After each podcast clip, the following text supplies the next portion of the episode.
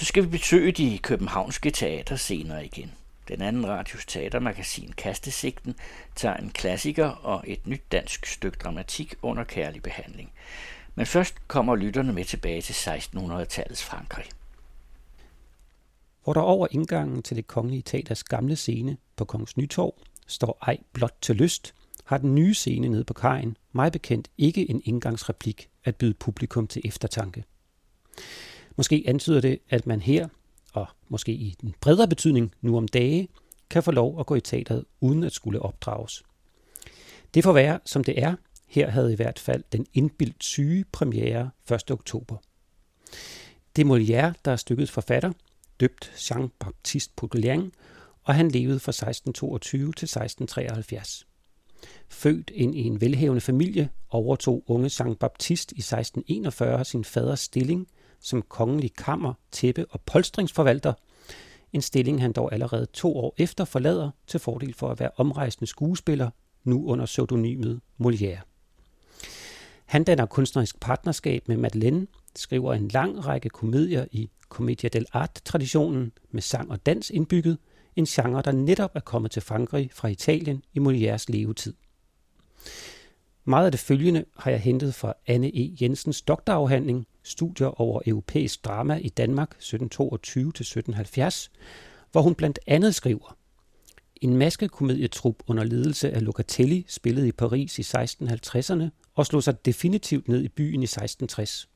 Fra dette tidspunkt begyndte en langsom, men sikker omformning af truppens repertoire og spillestil, så den omkring 1680 ikke mere kan kaldes en italiensk maskekomedietrup, men en fransk-italiensk skuespiltrup. Den italienske trup blev af største betydning for Molière, både som skuespiller og dramatiker. Gennem hele hans produktion mærkes inspirationen fra den italienske trup. Citat slut. Der er i den senere Molière-hagiografi en livlig diskussion af, i hvor høj grad Molière simpelthen kopierede de italienske truppers stykker og kaldte dem sin egne. Også Holberg deltager i denne debat. Men eftersom det vil føre for vidt her at diskutere de forskellige forlæg for Molières stykker, vil jeg nøjes med at nævne det kuriøse faktum, at dramatikerne i Frankrig kun havde copyright på deres værker, så længe de ikke var trygt. I det øjeblik, det blev trygt, var det allemands eje, og forfatteren fik ikke en rød reje ved opførslerne. Faktisk måtte Ludvig den 14. nedlægge, og jeg citerer Jensen igen, strengt forbud mod nogle provinsgruppers opførelse af den indbildte syge i 1674. Hvilket altså vil sige, at stykket på dette tidspunkt ikke var trygt. I Paris blev den indbildte syge, ja det hedder stykket altså i Jensens afhandling, og ikke den indbildt syge, som i den aktuelle version, men i Paris blev stykket spillet i, og jeg citerer, et overdådigt udstyr med mange dansere, musikere og kostbare dekorationer, mens det herhjemme, efter C. Smiths oversættelse i 1747, blev spillet som en komedie i tre akter med mindre udstyr og færre sange, men derimod med en efterkomedie kaldet Doktorgraden, en almindelig praksis på denne tid. Der findes jo også en nævneværdig beskrivelse eller anmeldelse af den danske oversættelse. Hør engang, hvad Nye Tidner om lærte og kuriøse sager skriver den 15. september 1747. På den tid, da den danske skueplads opstår igen som en fønix af sin aske, får i det danske publis i øjne en angenem, ja, som det jo længere jo mere synes, en prægtigere anseelse end nogen tid til forn, have nogle af fædrelandets bekvemme subjektis lagt hånd på det priselige forhavne at forsyne aktørerne dels med sådanne nye dramatiske stykker, som i muligste måde er indrettet efter de teatralske regler, dels og med smukke danske oversættelser af komedier, som er skrevne i fremmede sprog og besidder enten alle eller i det mindste de fleste af en vel sammensat komedies egenskaber. I det sidste tal fortjener en komedieplads, som ud i hans kongelige majestæts hofbogtrykkeren E.H. Berlings bogtrykkeri er kommet fra pressen, under den titel Den indbildte syge, en komedie ud i tre akter. Denne komedie er af en af de berømmeligste komedieskrivere forfattet, og da den danske oversættelse svarer til originalens sirlighed, kan man vente, at den i oversættelsen, ligesom i hovedsproget, skal blive vel antagen. Molière, som langt de fleste skuespillere på denne tid, rejser rundt i Frankrig med sin trup. Det var et fattigt og nøjsomt liv, ofte kun et skridt foran debitorerne. Denne prekære tilværelse lander ham da også på et tidspunkt i gældsfængsel. En hændelse, der om en ganske kort, formodentlig har haft fatale konsekvenser for hans liv. Trofaste lyttere af kastesigten, dem med misundelsesværdig hukommelse i hvert fald, vil erindre, at Per Ørgaard i forbindelse med samtalen om Goethes arbejde med Faust, fortalte om de manglende rettighedsvilkår, kunstnerne producerede under dengang. Ligesom nogen lytter måske vil huske, at vi her i programmet engang præsenterede bogen Det usynlige folk om det kongelige teaters historie, hvor I kan høre, eller endnu bedre læse, mere om teaterlivet i København i 1700-tallet, fra Grønnegade til Kongens Nytorv. Begge programmer kan I naturligvis finde på Kastersigtens side under den anden radio. Tilbage til Molière. Senere opnår han stor succes med sine talrige stykker, der revser samtidens sæder og moral. Blandt dem, der har holdt sig bedst til vor tid, er Tartuffe, Gnieren og de lærte kvinder. Solkongen, altså Ludvig den 14., er en af fansene, hvilket gør meget til kirkens fortrydelse, at Molière kan blive begravet i hellig jord, noget der ellers var forment skuespillere i 1600-tallet. Han gifter sig med den 18 år yngre datter af Madeleine, et giftemål, der skabte en vis skandale i samtiden. Onde tunger spredte det rygte, at det var hans egen datter, han giftede. En videre fortæller denne gang Wikipedia os med vanlig sans for komprimering, regnes Molière for at være den største forfatter, det franske sprog nogensinde har kendt, samt den mest spillede franske dramatiker overhovedet. Ikke noget ringe eftermæle, upåagtet at vi ikke ved, hvordan det gik med tæpperne og sofaerne på de kongelige slotte under hans toårige tjenestetid der. Der knytter sig desuden det bekendte metadrama til stykket Den indbildt syge, som jeg ikke synes, I skal snydes for, at det menes at være selvbiografisk. At Molière selv havde en rem af huden som hypokonter, en spe og led af dødsangst. Ifølge det trygte program, man kan købe i teateret for en flad 20, skrev han angiveligt stykket på opfordring fra venner, der var så trætte af at høre på alle de indbildte sygdomme, Molière selv mente, han led af. Og hvis det er sandt, så er det jo tragikomisk. Komisk, at han havde selvbevidsthed og selvironi nok til at gøre grin med sin egen lidelse, og tragisk, fordi Molière, der selv spillede Argan ved uopførelsen, faldt halvdød om på scenen i stykkets åbningsuge og døde samme aften. Han havde nemlig tuberkulose, en sygdom nogle teaterhistorikere mener, han fik i gældsfængslet. Det gør Søren Sætter Lassen, der spiller Argan, Molières angivelige alter ego, heldigvis ikke i skuespilshuset. Og det er Argans stykke. Som i mange af Molières andre stykker, er der i modsætning til en held og en skurk eller et trekantsdrama, en protagonist, en figur, som hele det kongelige store drejescene drejer omkring, hvis man kan sige det sådan. Og det gør Søren Sætter Lassen med vanlig autoritet og beundringsværdig fleksibilitet i ansigtsmimikken. Hans ansigt siger mere end tusind ord, og han skifter på et øjeblik fra at være den lidende, selvoptagede spredebasse til, når en ny mulig diagnose viser sig, at være den barnligt jublende, selvoptagede spredebasse, der i sin lommebog med stor flid og nydelse opregner alle de sygdomme, han fejler, plus nogen, han ikke fejler endnu. Søren Sætter Lassens præstation fejler ikke noget. Det gør derimod meget af det andet vedrørende den aktuelle version. Stykket begynder med det unge elskende par, som er stykkets andet og lidt påklistret spor. Den unge bejler synger en smuk, moderne kærlighedsballade fra scenen til hende, der står ude blandt publikum. Og her begynder forvirringen. Som I lige har hørt, er Molières stykker skrevet ind i Commedia dell'arte-genren, og ikke bare giver musikalske indslag derfor god mening, hvis man vil lege med historiske referencer.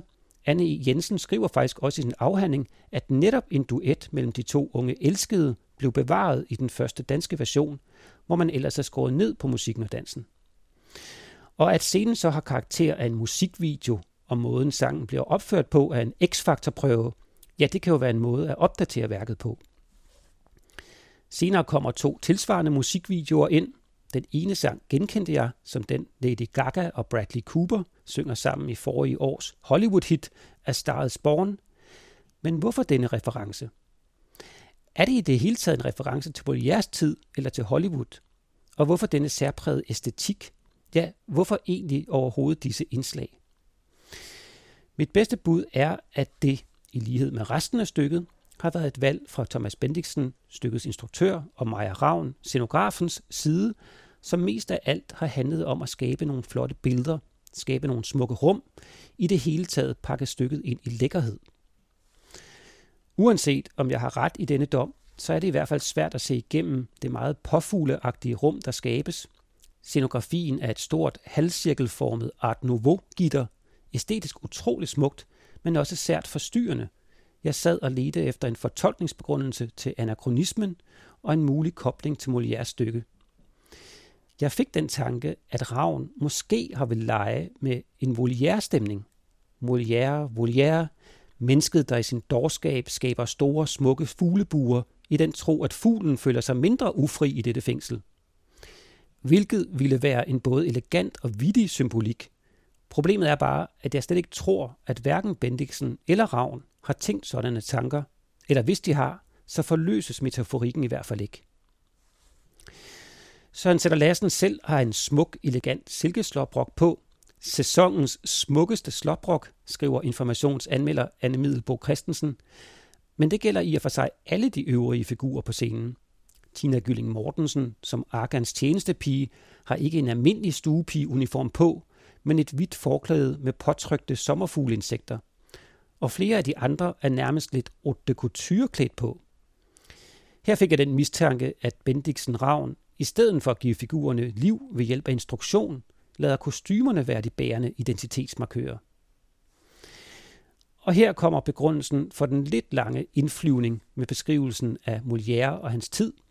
Hvis man kender denne baggrund, stykkets oprindelse i Commedia dell'arte-traditionen, sidder man i teatersalen og tænker, hmm, har makkerparet Bendiksen Ravn valgt at skabe en moderne fortolkning, der tipper hatten til mesteren. Dette greb kan man i hvert fald sagtens vælge og skabe funky referencer og skæve kontraster, der enten underbygger eller undergraver det originale forlæg, karaktererne eller moralen, når man vil, for Molière skrev jo ej blot til lyst. Men oplevelsen i teateret den aften efterlod mig med en fornemmelse af, at det desværre ikke er tilfældet med den aktuelle version af den indbildt syge, men at de komiske optrin og kostymerne mest af alt bare er stafage. Ev. Nu vel, som I kan høre, sad jeg på syvende række og var forvirret.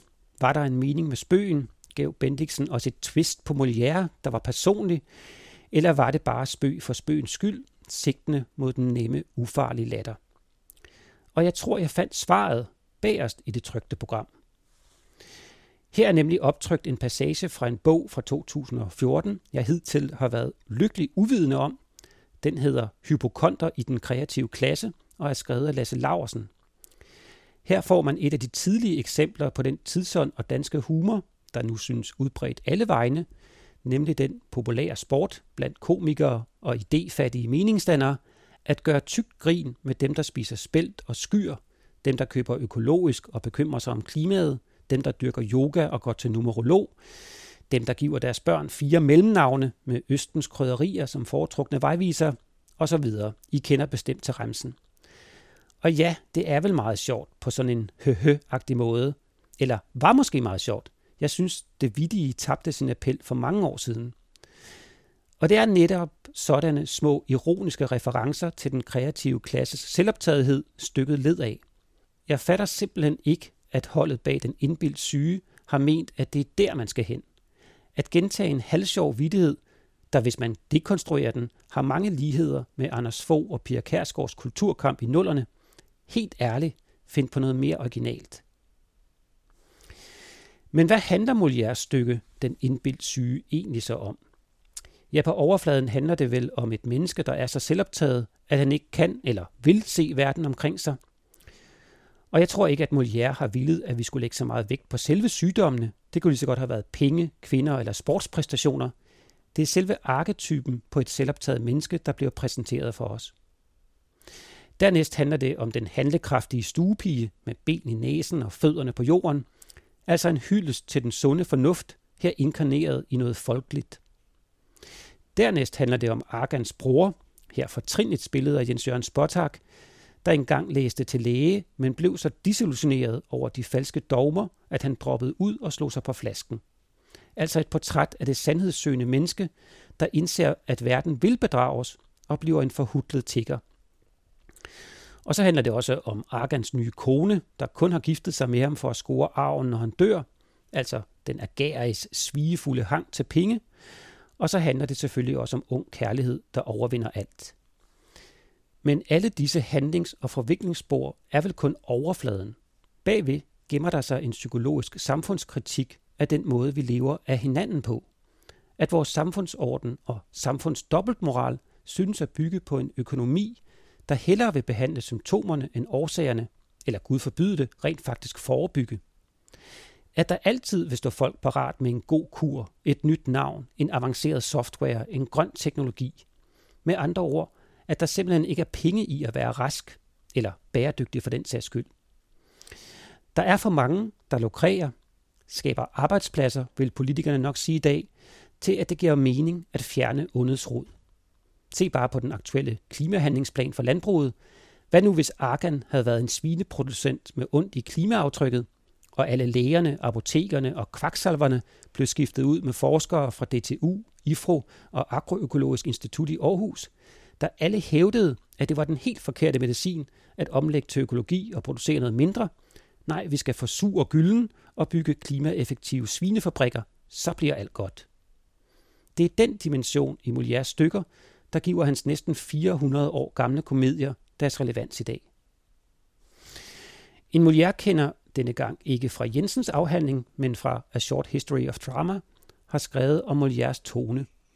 Han, altså Molière, var mistænksom over for følelser og patos, men han udskiftede disse med melankoli, en magtfuld og søgende melankoli, der på en underfundig måde underbyggede hans utrættelige humør og triumferende lattermildhed. Citat slut. Det er denne søgende melankoli og den dybde, den giver til både karaktererne og de emner, der behandles, som kun glimtvis kommer til syne i Thomas Bendiksens version af den indbildt syge. Stykket var i øvrigt også forlæg for Erik Clausens film Villa Paranoia, en film, jeg synes mægtig godt om. Jeg faktisk regner for en af Clausens bedste, så hvis de kære lytter endnu ikke har set den, så er det min anbefaling at starte der. Og så skal vi høre et digt, der leder over til det næste stykke, vi har på programmet. Er det okay, jeg sender dig nedenunder? spørger psykologen. Vi er på etagen for angst og OCD. Nedenunder er det personlighedsforstyrrelse og selvmordsforebyggelse. Ja, det er okay, siger jeg. At du har lidt at hele, siger hun og smiler. Mit horoskop passer heller aldrig. I'm choosing wrong apps. Gruppeterapi. Tine, vuggestuepædagogen. Tine taler om den imaginære bamse, der skal få barnet til at sove. Jeg gav ham den samme kanin hver aften i fire måneder, og lige meget hjalp det. Han knytter sig ikke til plysdyr. Jeg er en kvinde med behov for supervisering. Hun spørger mig, hvad tvangstankerne angår. Tøj, sex, moderskab, døden. Lyder det ikke som en kvinde? Det var et digt, eller en tekst, eller hvad man nu skal kalde det, fra Olga Ravns roman Mit Arbejde, og det er netop den bog og hendes ord, det nu skal handle om. Og det selvom det ikke længere er muligt at se stykket på Husets Teater. Denne sene anmeldelse skyldes, at min forestilling tilbage i september desværre blev aflyst på grund af sygdom. Ja, og så lykkedes det mig først at komme ind på Halmtorvet sidste weekend. Men mit håb er, at stykket får repremiere næste sæson. Måske det kongelige teater kunne være interesseret. De har tidligere overtaget udvalgte forestillinger fra huset. Og så kan denne omtale måske tjene til at lægge lidt venligt pres på Kirkskov og kompagni, mit arbejde fortjener at blive set af mange flere. Så er det sagt.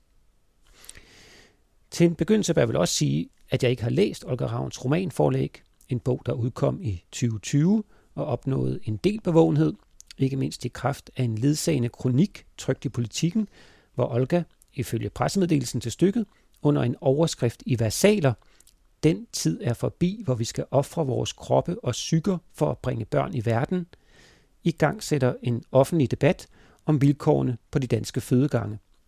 En MeToo for mødre, fortsætter pressemeddelelsen.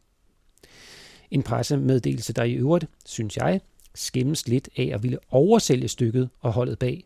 ikke sikker på, at denne type reklameagtige kommunikation giver anmelderne lyst til at kopiere sprogbrugen eller få flere publikummer i husets teater, men hvad vil jeg?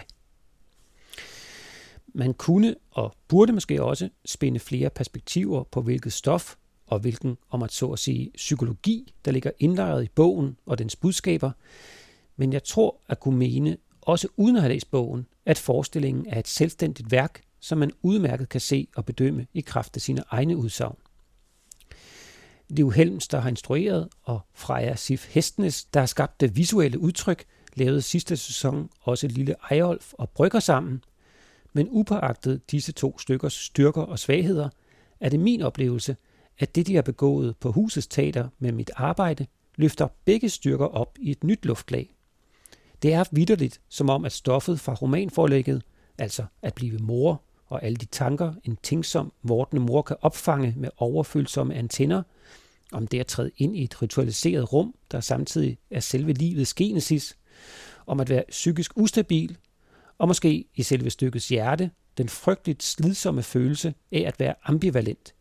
Som at være to vidt forskellige mennesker i samme krop, at alle disse motiver er gået i blodet på makkerparet Helms og Hestnes. Og ud af denne febervildelse er der kommet et lille scenisk mesterværk.